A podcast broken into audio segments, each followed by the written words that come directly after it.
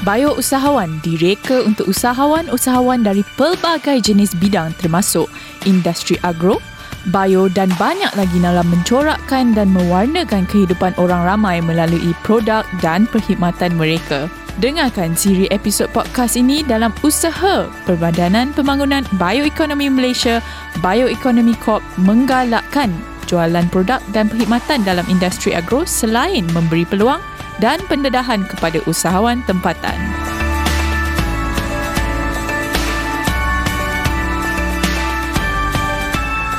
Sekarang kita berada di Expo Bio Usahawan 2019 di KL Convention Center dan kita sekarang berada di BioChat dan bersama saya adalah Puan Nur Falilah Muhammad Nordin iaitu Senior Executive Business Development Sales and Marketing TPM Biotech Sendrabat. Apa khabar Puan? Uh, khabar baik. Alhamdulillah. Ah, selamat datang. Uh, sama-sama. Okay. Terima kasih kerana Puan. menjemput saya. Ah, sama-sama juga. Hmm. Okey, puan, nak cerita tanya, okay. nak cerita sikit uh, berkenaan apa itu sebenarnya teknologi um, TPM Biotech Sendirian Berhad ni. Uh, Okey, sebenarnya um, mungkin ramai yang tak mengetahui uh, tak mengenali apa itu uh, TPM Biotech Sinar Berhad. Okey di sini saya mengambil peluang di BioChat ni saya mengambil peluang ingin uh, memberitahu uh, bahawa TPM Biotech Sinar Berhad ni merupakan anak syarikat teknologi Park Malaysia sebenarnya. Okay. Tahu kan teknologi Park Malaysia hmm, yang dekat Bukit Jalil tu? Yes. Yang besar juga tu. Uh-huh. Uh, dekat Astro. Astro uh-huh. you all tahu kan? Tapi uh, yes. okey dia actually anak syarikat lah di bawah uh-huh. teknologi Park Malaysia uh-huh. iaitu sebuah agensi uh-huh. di bawah Kementerian Tenaga, Sains, Teknologi, Alam Sekitar dan Perubahan Iklim ataupun nama singkatannya MESTEC. Hmm, maknanya ah. dia adalah agensi kerajaan jugalah. Ya, yeah, dia uh. actually dia di bawah agensi kerajaan, government owned company lah. Mm-hmm. Di mana uh, kita dah ditubuhkan semenjak tahun 2004 lagi tau. Wow, lama tu. Ah, yes, Saya memang. Rasa ramai ah. tak, tak sedar kewujudannya. Ya, yeah, tak sedar. So, that's why kita mengikuti um, event-event mm-hmm. yang mhm. dianjurkan seperti bioekonomi. Okay. Uh, terima kasih kerana menjemput kami. Mm-hmm. Uh, Ini so, adalah platform yeah. yang baik untuk kita terangkan yeah jelaskan kepada orang ramai yang ya, tak tahu. Ya, sangat-sangat. Ini salah satu platform lah, mm-hmm. interagency, Betul. interkementerian. Mm-hmm. Okey. Okey, teruskan Puan. Okey, um, okey dia okey apa tujuan kita yang ditubuhkan mm-hmm. adalah untuk membantu aktiviti pengkomersialan herbal uh-huh. dan produk semula jadi uh-huh. dengan menempatkan perkhidmatan dan kemudahan yang ada sains dan teknologi okay. di bawah satu bumbung. Uh-huh. Okey, dengan kata lain eh untuk saya fahamkan kepada semua uh, masyarakat di luar. Okey. Uh, macam kita punya servis ni ialah macam OEM kalau sesiapa ah, tahu.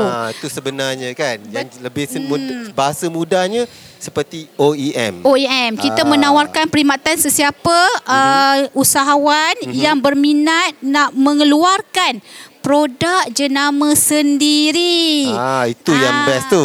Hmm. So um, kita akan bantu mereka uh-huh. daripada start formulasi produk uh-huh. kepada uh, packaging uh, apa saja bentuk packaging yang diorang suka uh, kan kita komersialkan dan kita bantu orang memasarkan uh, seperti uh, secara orang kata indirectly lah mm-hmm. uh, kita memperkenalkan produk-produk mereka ni. Okey puan. Uh, uh, so kalau uh, bermula daripada formula sehinggalah kepada packaging. Okey, hmm. andai kata ada yang berminat uh, dia kata dia ada formula dia sendiri. Dia datang kepada biotech apa TPM Biotech okay. bagaimana pula? Okey. Uh, so kita memang uh, akan uh, consult mana-mana uh-huh. usahawan yang berminat nak jadi usahawan lah ya. Okay. Uh, usahawan yang minat uh-huh. menjadi uh, pengeluar produk Alright. sendiri bukan ambil produk orang jual tak you nak create your own brand. Mm-hmm. So kita akan bantu dari segi uh, formulasi mm-hmm. walaupun you ada formula you sendiri mm-hmm. tetapi kita akan tengok, kita akan kaji balik adakah formula itu bersesuaian. Betul, bersesuaian ah. dengan produk yang akan dikeluarkan. Aha. Sebab mm-hmm. semua produk-produk ni akan kita uh, register dengan Kementerian Kesihatan mm-hmm. dan kita akan dapatkan halal sebab complete. kita punya ya kilang mm. komplit kilang kita pun bertaraf GMP, HACCP dan MISTI. Okey, ah. jadi tak payah nak fikir-fikir nak pening kepala pasal nak apply halal, betul. nak apply MISTI semua. Semua ya, komplit. Semua komplit. Semua kita akan bantu usahakan. Mm-hmm. Dan apa yang specialnya ya, mm-hmm. uh, dekat uh, teknologi Park Malaysia itu uh, di bawah uh, biotech mm-hmm. iaitu di bawah mm-hmm. teknologi Park Malaysia. Alright. Kita ada menyediakan uh, fund soft ah, loan. Ah itu yang sedap dengar ah, tu. Kan? kan. Ah, kita cerita okay. Uh, macam mana fund tu pula okay, boleh macam di-apply? Macam mana fund? Okey. Uh, bagi pengusaha-pengusaha uh, macam kita panggil startup lah. Uh-huh. Startup company uh-huh. uh, dengan syarat dia ada dia ada senam berhad. Okay. Tetapi baru pun tak apa, pindah capital sangat kecil pun kita boleh apply. Tak kisah. Tak kisah. Uh-huh. Janji fund, startup. Betul. Startup uh-huh. sebab yang dah besar tu dia orang mungkin dah ada modal. Betul. So kita uh-huh. nak tolong mana-mana yang usaha-usaha kecil yang modal mungkin kurang. Betul. Jadi um, start, apa ni fund ni memang dia bawah teknologi Park Malaysia. Okay. Bukan mana-mana bank. Mm-hmm. Sebab dia very very soft antara mm-hmm. uh, percentage dia punya interest 3% macam tu saja. So okay. kita bagi tempoh, bantuan tempoh uh, pinjaman tu berapa tu? Okey, uh, actually boleh runding benda tu. Oh, uh, nanti runding. boleh jumpa saya okay. untuk uh, untuk keterangan lanjut. Mm-hmm. Uh, kita bagi up to 50,000 ya. Besar tu 50,000 ah. okey. Ah, okey. Okay. 50,000 untuk starting untuk boleh tahan tu. Ya, kita kan? maksudnya uh, kita akan bagi dalam bentuk produk lah sebenarnya. Uh-huh. Uh, which is uh, bantuan tu um, kam, uh, usahawan tak perlu keluarkan modal. Alright. So kita akan bagikan uh, dia dalam bentuk produk yang dah siap. Okey, uh. itu dia sebenarnya bantuan ataupun servis hmm. yang diberikan oleh TPM Biotech Sendirian Berhad untuk usahawan-usahawan. Ha, jadi anda semua jangan uh, lepaskan peluang ni sebenarnya. Ya, betul. Banyak sebenarnya peluang-peluang yang agensi-agensi uh, di bawah kementerian, ya. bawah kerajaan yang membantu usahawan-usahawan ya. khususnya yang betul startup tu. ni. Betul tu. Alright. So jangan lepaskan sebab mm-hmm. ini mhm. satu-satunya servis uh, penghilangan secara kontrak betul. yang disediakan uh, oleh agensi di bawah kerajaan. Ah. So dapatkan servis ni diyakini ha, betul itu yang penting hmm. diyakini ya terima Alright. kasih okey kalau misalnya yang tak sempat datang nak hmm. tengok dekat media sosial di mana mereka boleh follow ataupun okay. uh, melihat informasi berkenaan okay. dengan uh, bagi, TPM Biotech okay. ini. Boleh terus datang ke ofis kita uh-huh. iaitu dekat Teknologi Park Malaysia sendiri. Bukit Jalil. Bukit Jalil uh-huh. uh, dalam uh-huh. tu cari TPM Biotech Sinar Berhad. Okay. Dan boleh uh, atau berhubung dengan saya di talian boleh ke boleh, saya boleh. share? Okay. Ha, di kalau talian, tak ada masalah. Uh, uh, 012 Dengan orang kacau malam sudah. Ah tak apa. Kacau untuk buat produk ya. Ah. 012 30 10 417 uh-huh. ataupun uh, di talian hotline kita uh-huh. 03 okay. 8998 4018. Okey. Dan Facebook ke atau Instagram yang boleh mereka lihat?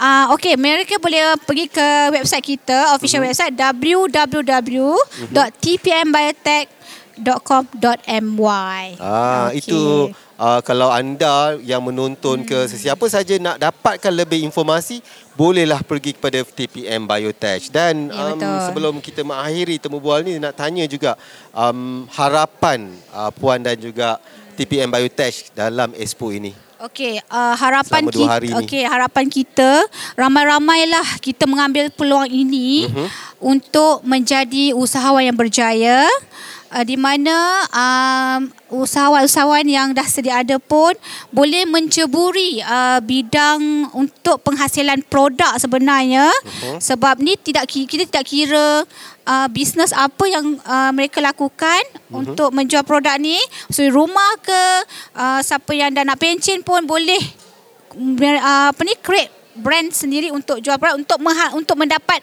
uh, pendapatan yang lebih. sampingan yang tinggi yeah, yang lebih. Betul. Sebab uh, mungkin ada betul. tak tahu nak buat apa boleh yeah, buat bisnes. Betul. Uh, jual produk-produk yang jual, mungkin difikirkan betul. sesuai. Uh, betul. Kan? Uh, hmm. Betul tu. Dan pastinya kita harap ramai lagi datang berjumpa dengan uh, apa Bio TPM Biotech untuk dapatkan lebih info dan mungkin insyaAllah boleh close deal. Ya, yeah, insyaAllah, insyaAllah. Kita cuba bantu kan? ya. Ha. kita cuba bantu. Uh, uh, mereka-mereka yang yang penting ada kemahuan. Mm-hmm. Uh, ada kemahuan untuk um, menceburi untuk uh, membuat bisnes sendiri. Mm-hmm. Uh, InsyaAllah boleh dapat okay. informasinya. Alright dan itu dia temu bual saya dia bersama dengan uh, Puan Nol Falilah Muhammad Nordin iaitu Senior Executive Business Development Sales and Marketing TPM Biotech Senembat.